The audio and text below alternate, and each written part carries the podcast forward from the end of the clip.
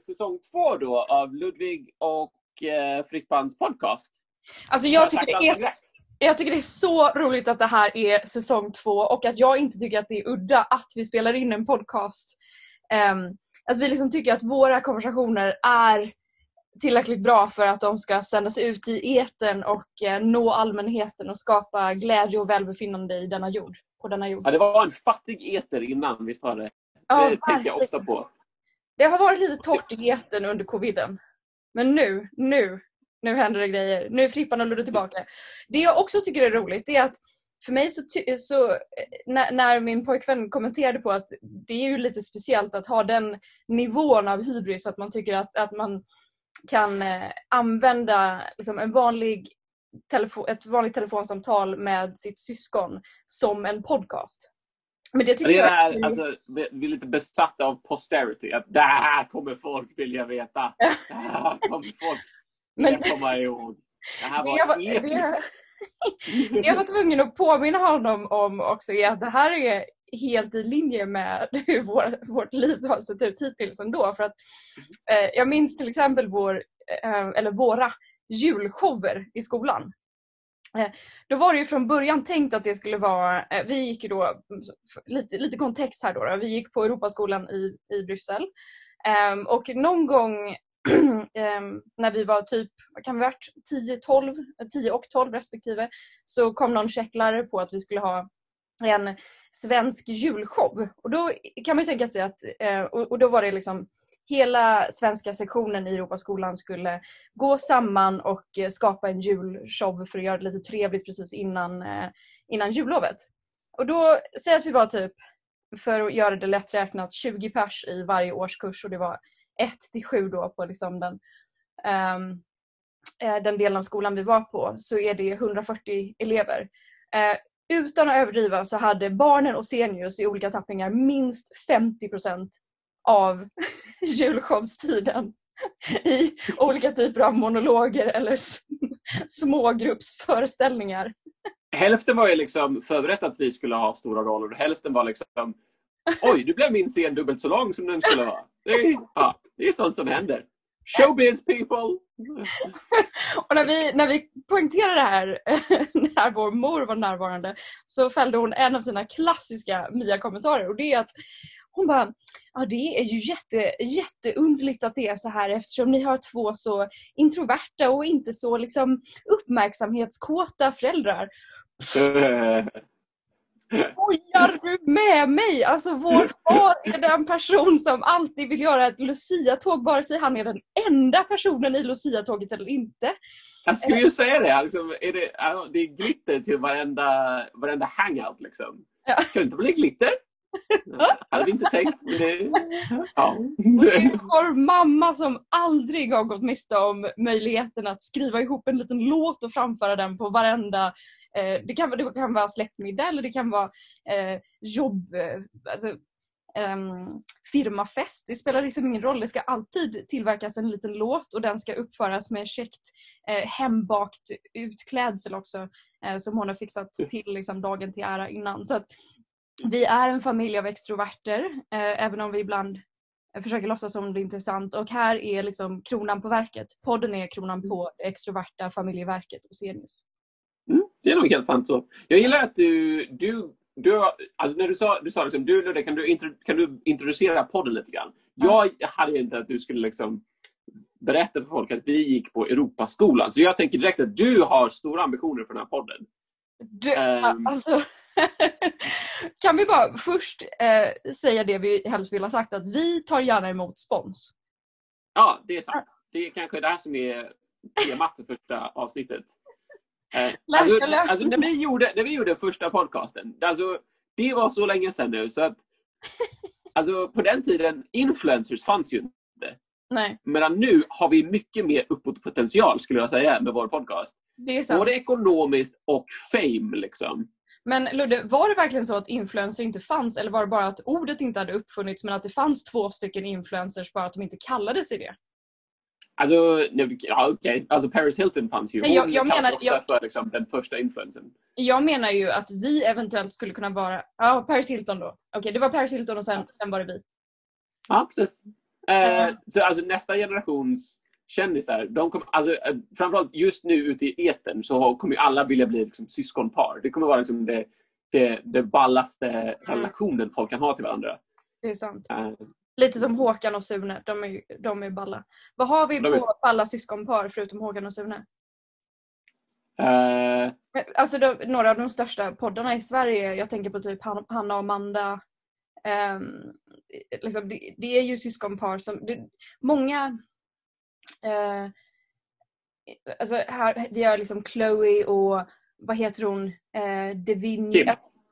Ja, eller hur? Vi har Chloe och Kim. Vi har så många syskonpar. Jag tror att det är en bra...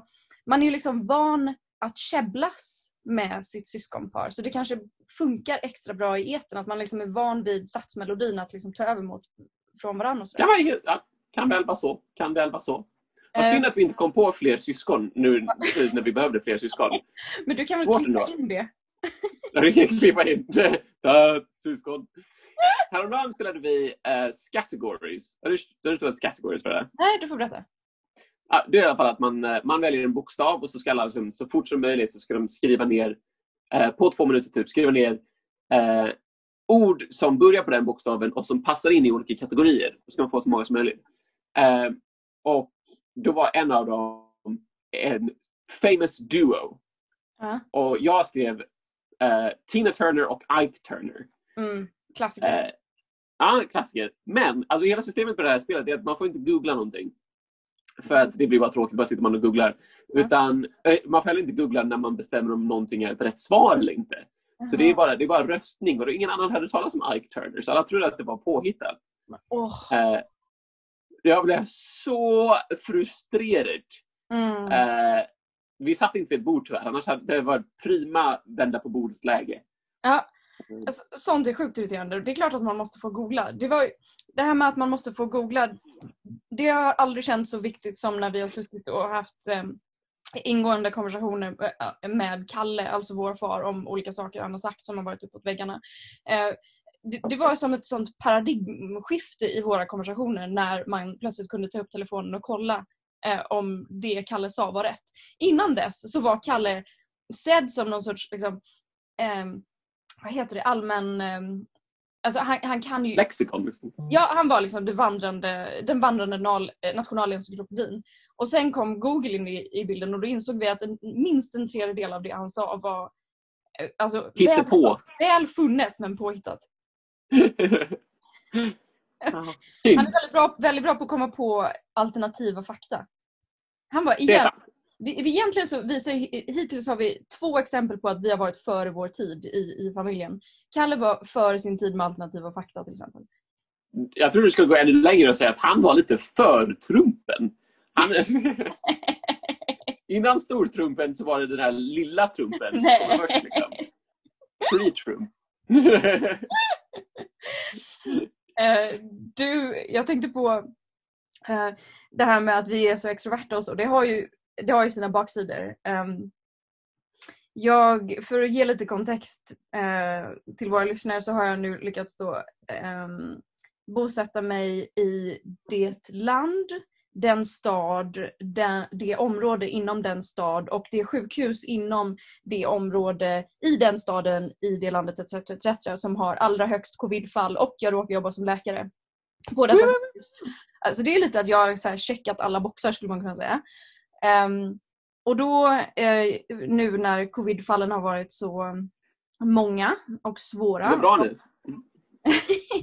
så har jag då blivit um, Eh, redeployed, vad heter det på svenska? Alltså jag har liksom blivit flyttad inom sjukhuset så att jag jobbar bara med coviden.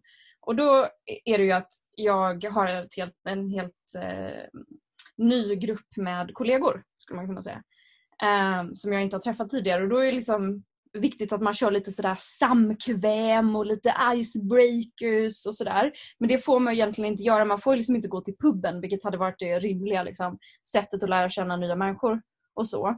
Utan istället så skulle vi ha en socialt distanserad eh, teamlunch i eh, ett av våra eh, så här, undersökningsrum liksom, ehm, för ett par veckor sedan. Och då sitter vi då i en, liksom, en sån här ring som får mig att tänka på en, ett glest Alcoholics Anonymous-möte. Förstår du vad jag menar? Alltså en ring där alla sitter i stolar så här, och kan se varandra men det är väldigt långt emellan varje stol. Och Det gör ju att det är väldigt svårt att bilda så små mysiga grupperingar där man kan så här, snacka och liksom jaså, hur är läget och tjena mannen och du vet så här, lära känna folk. så. Utan vi sitter där med våra liksom, ganska deppiga trekantsmackor från MNS och, och ska liksom ska typ ha samkväm fast vi får liksom inte umgås för nära. Och det är också alltså, mitt på dagen. Så det, det, finns ju liksom inte en promille i, i blodet. Um, och Det här är liksom perfekt upplägg för um, obehaglig tystnad. Typ ingen känner varann. Um, men hela liksom, samtalet går ut på att vi ska lära känna varann. Och, och då när det blir så här ganska eh, liksom obekväm, inte, inte tung tystnad men ganska obekväm tystnad när man känner att så här, nu skulle det vara väldigt käckt om det var någon som sa någonting så här, på en rimlig nivå och som folk kunde plocka upp och göra konversation av.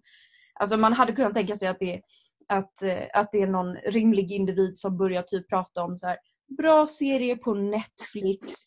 Eller liksom, om man inte kommer på något bättre, i alla fall så här, eh, att covid eh, fallen börjar liksom nå någon sorts platå.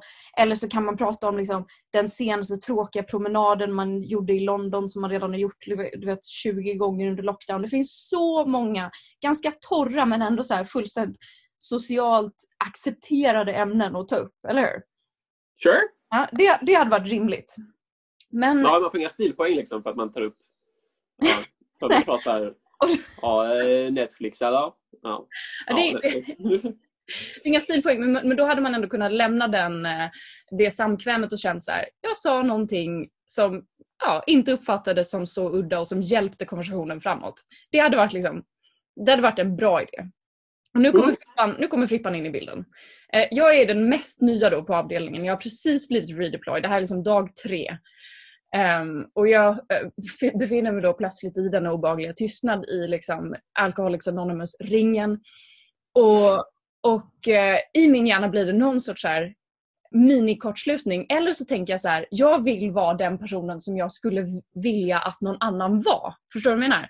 Jag skulle gärna vilja att någon annan sa någonting som var lite uppåt väggarna. Lite för naket, lite för um, intimt lite för udda så att jag skulle kunna skratta åt den personen och därigenom liksom lösa upp stämningen lite.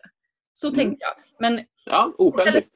Ja, eller hur? Men istället så bestämde jag mig för att vara den personen och då så sa jag så här, ah, äh, äh, här sitter ju vi på sjukhuset då och, och det får mig att tänka på ett annat sjukhus där jag gjorde min forskning och då gjorde jag min forskning bland annat om spermier. Och då eh, i, i de, de små rummen där, där männen skulle producera sina spermier, där fanns det bara VHS-porr.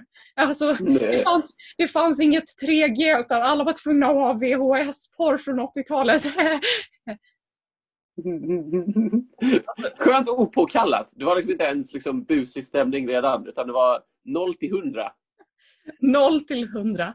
Och den tystnaden som lägger sig efter det, den var ju en nivå till av obehag. Alltså, Extra tyst liksom. Det, det är så tyst. För full, först skrattar ju folk för att de vet inte vad annars de ska göra. Men det är ingen som kan plocka upp den tråden. Det är ingen som kan bara ja så jaha VHS-porr, ja, ja men det får mig att tänka på. Förstår du vad jag menar? Mm. Sure. Ingenting. Ingen som vill, ingen som vill liksom veta av det. Liksom. Ingen som vill nej, ingen som vill ta det vidare. Svårt. Då sitter vi alltså i en ännu tyngre stämning. Och då, och då tänker jag så här, ah, hade det inte varit käckt nu om jag hjälper till att bryta den här andra tystnaden? och då har du sparat lite krut. Då visade det, där var det, där var bara lite försmak. Men, men då är det ändå någon, då är det ändå någonting i min hjärna som har så klickat att VHS-porr kanske inte var det, det käckaste ämnet så nu ska, nu ska vi lägga ribban lite högre här. Ha, eh, alltså jag lyssnade på en podcast förra veckan då eh, på This American Life och då pratade de om, om att, att Tinder som förut bara var på så här, du vet, snabba hookups och sådär nu, nu handlar det mycket om så här, find your winter och find your summer och sådär. För att om det ska vara en till lockdown så vill folk inte vara ensamma hemma så de bara så här, försöker hitta någon som de kan typ bo med i två, tre månader och sen dumpa. Är det så? Ja, det är en grej. Det är otroligt spännande. Alltså jag tycker att det är ett jättebra ämne efter ett par glas vin med någon man tycker om att snacka om. Alltså så här är det. Find my winter. Ja, det är en stor ja. grej alltså. Um, och uh, främst, jag hörde det här reportaget då från um, New York um, där det är liksom datingscenen är alltid så här två år framför datingscenen i andra städer tänker jag, i New York. Um, ja, får man för sig om man ser på Sex and the City? Liksom? Alltså... Men vem har inte sett, vem har inte blivit formad av Sex and the City um, i min generation? Det undrar jag. Även om man var en sån, det är lite som, det är lite som paddel formar just nu, eh, alltså formar just nu människor mellan typ 30 och 40 för att antingen är man en paddelmänniska och då är man liksom besatt av paddel eller så är man en anti-paddelmänniska. Men då är man ändå alltså, starkt engagerad mot paddel. Förstår du vad jag menar? Och det är lite ja, det är okej. Okay. Det är ingen som är... Du säger att det är svårt att vara likgiltig till paddel. Exakt. Det, för då har jag nog... Jag skulle säga att jag är ganska likgiltig till paddel, possibly. Det är inte så att det dominerar inte min vardag skulle jag inte säga. Ah, Okej, okay, då har du fel nämligen. För att det finns jag har fel. ingen i Sverige som är paddelneutral. Det vill jag bara... Okej, okay, okay, det är starka känslor. Och det var ingen på 90-talet som var, slutet av 90-talet, början av 2000-talet som var um, Sex and the City neutral. I alla fall, right. vi blivit formade av Sex and the City och i New York då um, så um, började den här trenden precis i typ så oktober-november när det började liksom kyla till ordentligt och folk insåg att det skulle vara en till vinter i lockdown. Um, så ändrades liksom datingscenen, alltså speciellt så Tinder och Hinge datingscenen till att um, istället för att folk liksom bara skulle hitta casual hookups och sådär, för det är, ju, det är ju livsfarligt. Det kan ju vara liksom covid-hookupen. Uh, jag tänker att det liksom finns vissa paralleller till HIV-rädsla på 80-talet där. Liksom. Man vill, man vill liksom inte hooka upp och, med någon som man kanske inte riktigt vet vilket virus de bär på. Förstår du vad jag menar? Kör nya partners inte helt. Nej, okay, nej. Ja, exakt. Eh, men däremot så vill man inte, speciellt inte om man är kanske i ett singelhushåll och liksom har genomlevt en väldigt ensam och väldigt tråkig vinter, så vill man inte göra det igen. Så man, man dejtar med ett otroligt spännande och ganska nytt liksom, mål med dejtandet och det är att hitta någon som är mysig och varm i två till tre månader. Tills våren kommer. Jag, jag, jag, jag suttit där och tänkt, jag försökte vara alltså, Du tror på detta eller? Jag, alltså, jag, jag med, alltså, om, om det är någon som man kan vara med i tre månader så kan man säkert vara med dem mycket längre än tre månader. Mm. Men om... Men alltså, man får ju fortfarande, alltså, man kan ju inte gå in med inställningen det här kommer säkert hålla i tre månader om man Alltså de första gångerna man ses blir det ju fortfarande som vanlig dating liksom. För att det är inte så att man, ja ja, han var väl inte så kul, men alltså tre månader står det ut. För då är det väl ändå inte värt att göra det. Men det var det, det var det som var det sjuka enligt den här reporten då att hon hade gått på massa så här första dejter. Och sen på, och de första dejterna som hade varit okej, okay, då går man ändå på en andra dejt liksom. Och sen efter andra dejten, det är då det händer. Då hade hon fått frågan av liksom fem av sex män som hon hade gått på en andra dejt med, så hade hon fått frågan, är det inte dags nu att vi ska bli exclusive? Okej. Okay. Och det var det som var så sjukt för tidigare liksom, och hon sa så här, senaste gången eh, jag dejtade runt så var det liksom för tre, fyra år sedan. Och då dejtade jag sig 30 män och det var bara en som eh, senare liksom efter typ dejt fem sa liksom, ska vi bli exclusive? Så att det, det är liksom ration som, som vill eh, gänga sig, om än kortvarigt, har ökat markant. Skulle man kunna säga. Okej. Okay. Är det att folk känner av sin dödlighet också? Liksom? Det är det också. Det är, det är också döden. Det är döden. Det lärde jag mig från populärmusik från Vittula. Aha. Att eh, man ska tänka på döden när man stöter på tjejer. Okej, okay. um, och hur hjälper det en då? Eh, perspektiv, jag, tänk, tänker jag mig. Liksom, Eh, ja, kan, man kan dö och då är det väl bäst att man i alla fall har hånglat. Är det tanken? Jag inte. Ah, ja, det är ju sant. Det är ju sant. Alltså, Det kanske eh, var honom i boken i alla fall. Å andra Eh, sidan så, så är det ju där, då, då skulle man kunna komma tillbaka till den här klassiska, nästan som en, som en trope-grej att säga där att svenskar eh, tycker att eh, eh, är det dö, döden som är eh, nummer två på svenskarnas skräcklista och nummer ett är att, att tala inför publik. Vilket är liksom liknande, det, det är ju lite som att stöta på en tjej, förstår du? För det handlar ju om förödmjukning och, och, och skam. Liksom. right. Och folk är egentligen mer rädda för det än döden. Ja, det låter väl helt rätt egentligen.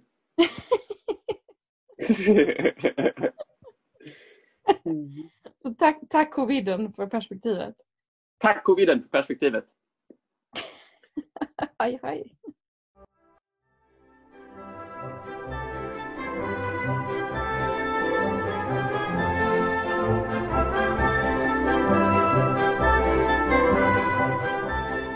Precis när lockdown slog till här i England, snart ett år sedan nu, så, så hade jag stora planer på att launcha min, eh, min stand-up-karriär.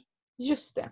Eh, det gick sådär halvbra. Jag skrev en skitbra rutin. Det, var alltså, det är det roligaste, det roligaste materialet någon stand-up jag tror någonsin har skrivit faktiskt.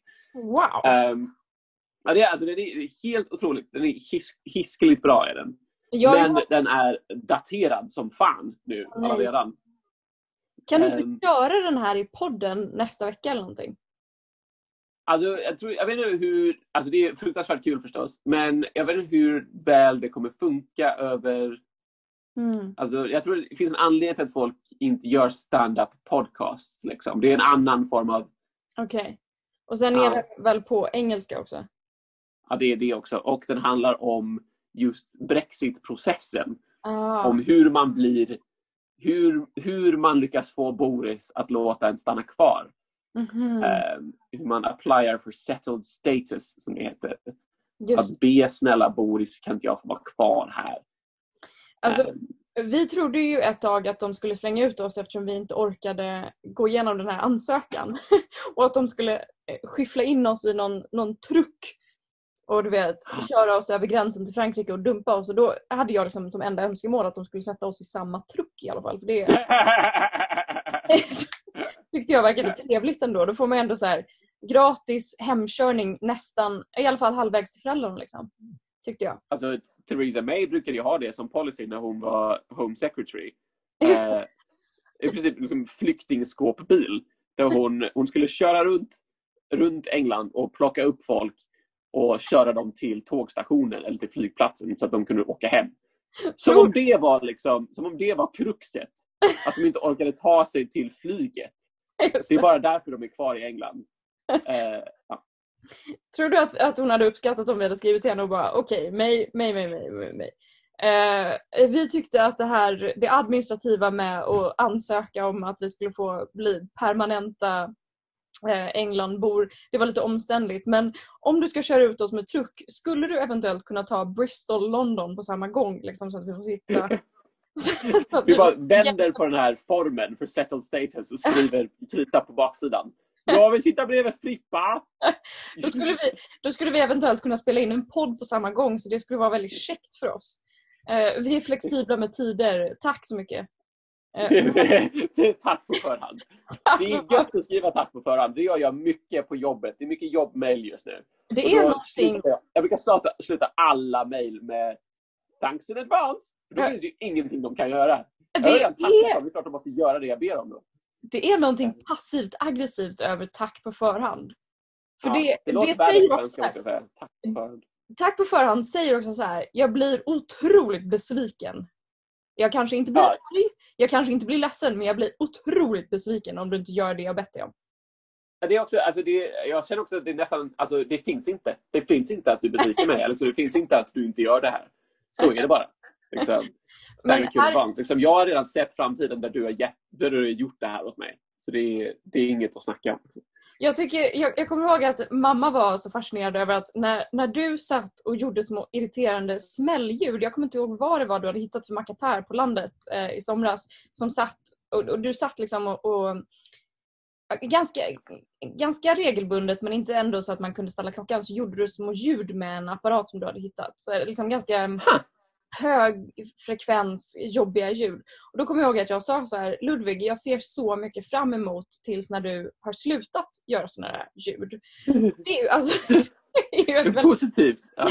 det är ju egentligen ett ganska passivt aggressivt sätt att säga käften! Vad är det för... Vad jag förstår inte alls. Jag kommer inte alls ihåg de här ljuden. Det kanske är sånt som man inte märker själv när man gör dem. Ja, du märkte det definitivt. Det var en sån här smäll ljud på det. Alltså det lät lite som när man puffade ballonger. Ehm, Var det bubbelplast liksom? Eller något jag hittat i, ja, det var något du i på verkstaden? Eller vad det? Ja, ja, ja, precis. Jag kanske kommer på, det kanske kommer till mig. Jag kommer ihåg att vi satt, eh, när det här hände, så satt vi och åt den där eh, Tropical Mango Dippen från 89. Åh, lyx. landet, på landet finns det så himla fina årgångsdippar. Numera så ser man ju bara de här klassiska eh, liksom, smakerna, smakerna man ser i chipshyllorna nu. Eh, det är ju sådana som har varit med väldigt länge. Det är liksom inte att man försöker hotta upp sortimentet utan vad är det de heter? De heter typ eh, dill, och, ja, dill och sour cream eller sour cream and onion och typ holiday dip och så här. Men det känns som att 80-90-talet det var mycket mer ehm, Vilda västern då liksom. Man, det var vilda västern. Det var dels, det var dels dippsmaker, till exempel den här typ Mango Tropical eller vad den hette. Den som vi hittade på landet och som var, eh, som var fin sådär. Den var så årgången att allt, att dippen inte var ett pulver utan det var liksom som separata glutamatklumpar eh, som man kunde hitta som små skatt, alltså små gömmor i crème fraichen. Det var inte illa alltså. Det är inte illa. Men det, fi- men, men det var ju också under den, det årtiondet, eller de årtiondena som eh, man gick bananas på att hitta på så här, eh, dryck, jo, drickyoghurtsmaker och sånt också. Det var, och Philadelphia-smaker. Alltså det var allting, allting var mycket mer Ja, det, det, var, det var så onaturligt på ett eh, befriande sätt. Ehm, Ja, det kan, alltså Philadelphia-smakerna minns jag som... Alltså, det var ju, alltså, det var ju verkligen... De har bara tagit två substantiv i princip. Ja. Eh, alltså, alltså, om, man, om man väljer två substantiv helt på måfå så Ja. är oddsen att det är en Philadelphia-smak väldigt höga. det var lite som ja. jag pratade med, eh, med någon vi båda känner som eh, brukar så här, plocka upp gratis kondomer på sin arbetsplats. Mm och ehm, och han, han är lite, så här, lite stingslig av sig så han liksom föredrar att plocka upp gratis kondomer även om det inte är precis de kondomer som han skulle valt själv. Ehm, Helt rätt. Helt rätt. Liksom. Så, och, och då är det så här att man kan plocka upp em, ett paket med sex stycken kondomer. Och lite lyxigt så är det inte då bara de här standard... Man tänker ju så här att om man får plocka upp gratis kondomer på typ så här en skola eller sjukhus eller någonting. Då tänker man ju att det bara ska vara såna här standard, eh, tråkiga liksom... Ja, eh, Är det mig vi pratar om? ja, okej kanske. Jag tänkte bara att jag inte ville hänga ut dig jag- hängde inte helt med på att du, du var liksom finkänslig. Jag trodde liksom, har du blandat ihop mig med någon annan? Vem är jag som? Jag är ju bara jag. Jag tänkte bara att du skulle få vara lite anonym. Men i alla fall, då tänker, då tänker man att om man får plocka upp kondomer på en sån här eh, liksom, statlig arbetsplats så tror man att det ska vara bara så här standardvarianten, liksom billigt. Typ sådana som vi köpte in på Liberala ungdomsförbundet och skrev typ “Liberals do it both ways” eller “Glid in i Europa på” eller någonting. Och det var ju liksom, poängen med kondomerna var ju inte att kondomerna skulle vara jättemysiga i sig utan att vi skulle ha ett käckt budskap och att det skulle vara en så här, eh, rolig och lite, lite galen grej att dela ut. Men, på, men, men som du sa, då, då fanns det ju att man kunde plocka upp eh, liksom, eh, det var sex olika varianter då och den bästa var ribs and dots och den liksom gick åt först. Och den som var allra läng- längst ner i liksom preferenslistan. Det lät ju lite som smaken på en 90-tals Philadelphia. Alltså choklad, blåbär. Ja, den var så där. Men Det skulle vara, du vet i lockdown var det ju asmycket sådana här pubquiz. Folk som sitter och bara, eh, bara mycket, mycket pubquiz. En väldigt poppis rond Mm. var, eh, man säger ett ord och så ska folk gissa om det är en känd drag queen. Ah. Eh, eller om det är eh, ett namn på ett typ läppstift. Mm. Eller på nagellack. Okej. Det skulle kunna vara en bra runda. Är eh, kondomsmak eller Philadelphia. Åh gud vad bra! Vilken kategori! Kondomsmak eller 90-tals Philadelphia. om man ska göra det Eh, svårt så lägger man in också dryckyoghurt. Ehm, men precis, det, det är verkligen så här 90-tals Philadelphia eller kondom. Det är, lax och gräslök. Det skulle kunna vara vilket som helst. ja, det skulle kunna vara vilken som helst. Det, det låter ju ganska dippaktigt. Ja, laxkondomen då. Eh, Men alltså det är svårt. Lyxigt. Men, för jag, tror, jag tror den dippen vi hittade på landet, jag tror att den hette typ Mango Tropical. Och Det skulle kunna vara vilken som helst. Alltså det, kan vara, det kan vara en drickyoghurt, det kan vara en Philadelphia, det kan vara en kondom. Det vet man ju inte. Och. Alltså, det hade ju varit himla käckt. Man kanske tänker så här att det allra snajsigaste man kunde göra på 90-talet var att matcha allt det. Liksom. Man, valde, sin- man valde sin smak. Sån är jag liksom. Här, Det är alltid, alltså, när, det är, när det är i reklam så är det mycket att de, de försöker få det till liksom, identitet. Att, alltså, att Just jag är en Adidas-kille. Allt jag köper är Adidas. Det är det de vill. Att, det är liksom, att, att de gympaskorna man köper säger något om en själv som person. Det är det de alltid försöker få en att tro. ja, att man, har en, så här, man har en signatur. Liksom. Det är lite så här, när man läser Precis. här, Det är min grej. I'm a Levi's 501 kind of guy. Ja, men även när man läser så stora bloggar. Jag tänker på typ så här, det finns en jättestor inredningsblogg som heter Trendenser och där har vi liksom, när man tittar på den bloggen eller på det Instagramkontot så är liksom hela färgskalan kurerad. Att det går mellan så här, eh, ja, vitt, eh, beige, grått och svart och allting är liksom eh, allting matchar med varandra. Att man, liksom, man bygger ju både en digital identitet och en liksom personlig identitet. Ehm, och den här personen då som, som står bakom den bloggen eller liksom den profilen, den klär sig i de färgerna, har inredning i de färgerna, tar foton som liksom stämmer överens med de tidigare tagna fotona. Allting är liksom matchy-matchy. Eh, lite som, jag, tänk, jag kommer också tänka på eh, du vet det här ikoniska fotot på eh, Britney och Justin när de har på sig dubbel denim båda två. Det är triple denim faktiskt. triple Han, är, han har jeansskjorta, jeanshatt och jeans. Ja, han kör triple denim och hon har ju single denim. Hon har ju alltså en denim tubklänning. Ja. Blir det mer 90-tal än så? Hon har en denim, det blir alltså en quadruple denim. Hon kör single denim, han kör triple denim. Och då har de ju liksom denim-signaturen. Man skulle, man skulle ju precis alltså, kunna tänka sig att 90-talets liksom mest signat, alltså människor som var allra bäst på att skapa sig en USP eller skapa sig liksom en brand identity. De valde en så här riktigt skev smak på någonting. Och sen så körde de allt från kondomer, Philadelphiaost, tandkräm, chipsdipp eh, och drickyoghurt med samma. Fan vad avslappnande egentligen. Att när man har väl gjort det, fattat det beslutet. Jag är mango tropical. Då behöver man aldrig stå i hyllan och famla liksom. Ah, ska jag ha den här eller ska jag ha den här? Utan jag är mango tropical. Men det är den nya Det står här på burken. Det, Jag tror- jag tar tycker. Det är den nya så här, coming of age. Det är lite som en så här 90-talets bar mitzva. Bara. Och, och, och du Torgny, vilken smak ska du välja? Ja, så är du. Du vet så här, alla, nu tänker man ju så här, ah, vad ska du välja för linje till gymnasiet? Och, och sådana frågor tänker man är rimliga att ställa till en typ 14-åring. Men mycket roligare hade varit om man bara, och, och vad blir det för smak? Vad blir det för smak? Vad blir det för smak? Vad blir det för smak Tor? Blir det lakrits Pepsodent? Eller? Man blir ju mycket, det blir mycket lättare att dejta då också. Om man nu bara har en dejt på sig innan man ska bestämma om man ska bli någons winter. Då är Just det mycket lättare om man bara frågar liksom, är du, är du mango tropical? För det är jag. Men Ja. nej, Nej, Alltså, nej, jag, jag, tänker att man vill ha någonting som är en bra kombo med det man själv är. Ja, okej. Det är så Okej. man dejtar. Så om man, om man är mango tropical, vad vill man ha till det? Man kanske vill ha kokos typ. Alltså om man är en liten Ja, sån. kiwi. exempel. Ja, Något eh, annat som är exotiskt. det är så man dejtar. Det känns lite som det här eh, det det finns såna här icebreaker-lekar när man sätter typ en lapp på pannan. Liksom. Och om man trycker upp på sin, på, på sin panna liksom, så jag är mango tropical eh, och, så, och så letar man runt i rummet bland alla liksom, eh, bland alla, vad kan det vara, ehm, eh, banan, kaviar, eh, du vet så här, äpple, pekanet och jag vet inte vad det kan vara och så hittar man sin kokos och bara nu, där satt den, där satt den. Mango Han är min. Han är min. Jag är ju i år, jag dejtar inte så mycket längre för jag har ju mollan. Mm. Eh, men jag är i år mer säsongsenlig än jag brukade vara.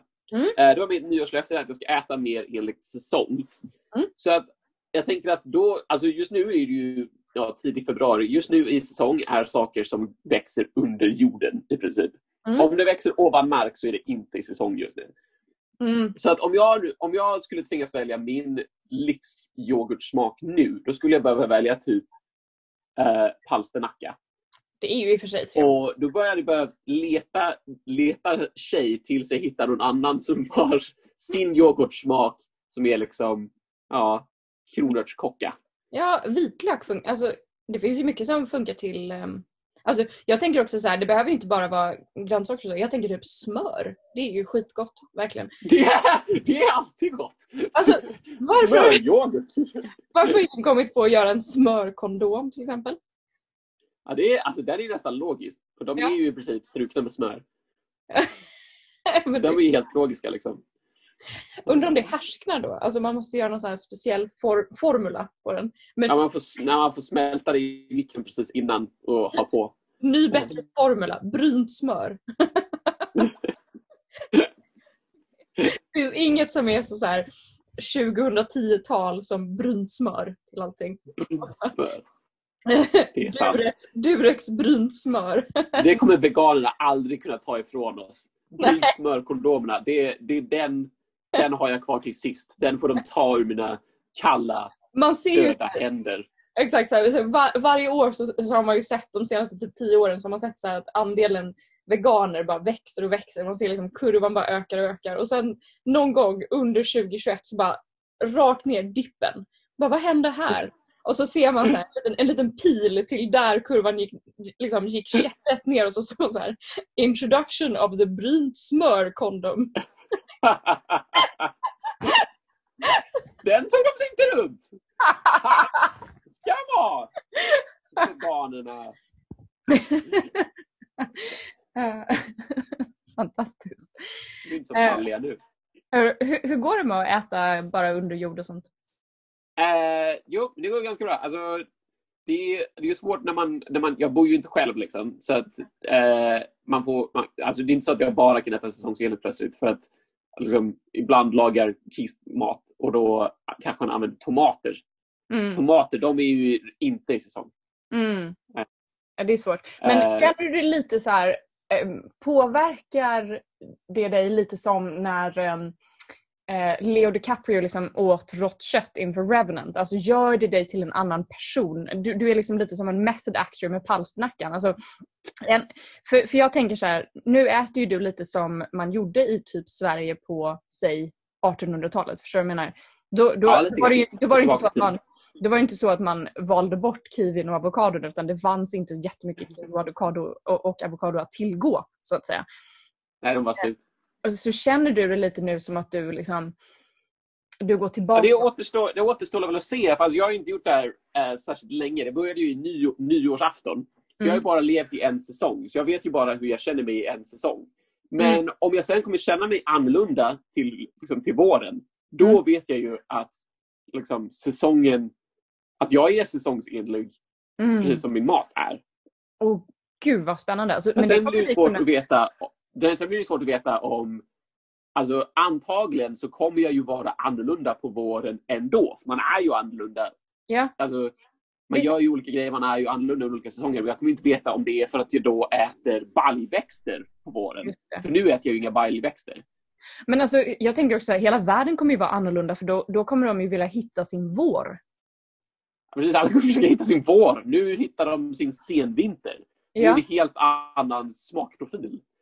Alltså, Ja. Jag tänker på, apropå tomater, så här, jag sitter nu i vårt sovrum som em, inte är mycket av ett sovrum längre utan som är någon sorts em, januari, eller nej, februari växthus. Eh, för jag har alltså bestämt mig för att jag ska bli, em, jag ska bli en sån som odlar mina egna tomater. För att jag ska kunna liksom Ja, jag, jag vill egentligen så här, vakna på morgonen, bara sträcka ut en hand och så hänger det tomater från min odling där. Liksom. Så att man bara, Okej. På Mm. balkongen? Okej. ja, de ska, sen, sen ska de vara på ballen men just nu så är det lite för kallt för dem på ballen så jag har liksom odlat dem inomhus. Eller jag har planterat dem inomhus i små frön. Eller från små frön. Och jag planterade dem för ungefär åtta dagar sedan. Och sen två gång- gånger om dagen sedan dess så kikar jag på om de har liksom krypit, upp, krypit upp ur jorden. Och det, det går långsamt alltså. Varje dag så blir jag mer och mer sugen på att göra lite som du vet, Karlsson på taket när han planterade sin, eh, eh, var det nektarin? Persika var det. Ehm, Ja. Och han blev irriterad på att den inte växte så varje dag så, så gick han och liksom, eh, ryckte upp den ur jorden och kollade om den hade börjat växa. Sen ryckte ner den igen. Alltså det är så jag känner mig. Jag är så irriterad på att den har börjat växa nu åtta dagar in. Men Jag tror att, alltså det är ju mer man påtar desto snabbare går det ju. Det, är Det jag också. på. Absolut. Och sen har jag också beställt en, ehm, en hallonbuske som jag ska då ha först inomhus och sen på ballen. Okej. Så Ballt. att jag kommer inte behöva vara bunden till säsonger. Du, du skulle kunna säga nästa vinter till exempel så kan du komma hit och så kan du äta eh, du vet, mango tropical med mango från ballen. Shit pommes frites. Mm. Det kommer vara, alltså, det kommer bli en hel omställning för min kropp. Ja, Den det, kommer inte vara, den kommer inte vara van vid det. Den kommer liksom helt panik. Va? Det är ju Vår- december. Varför intagar du halloner? det är vår mitt i vintern. Ehm, Ja. Ludvig, Min det kropp är, alltså öländsk visar sig. vi är alltid lite ölänningar.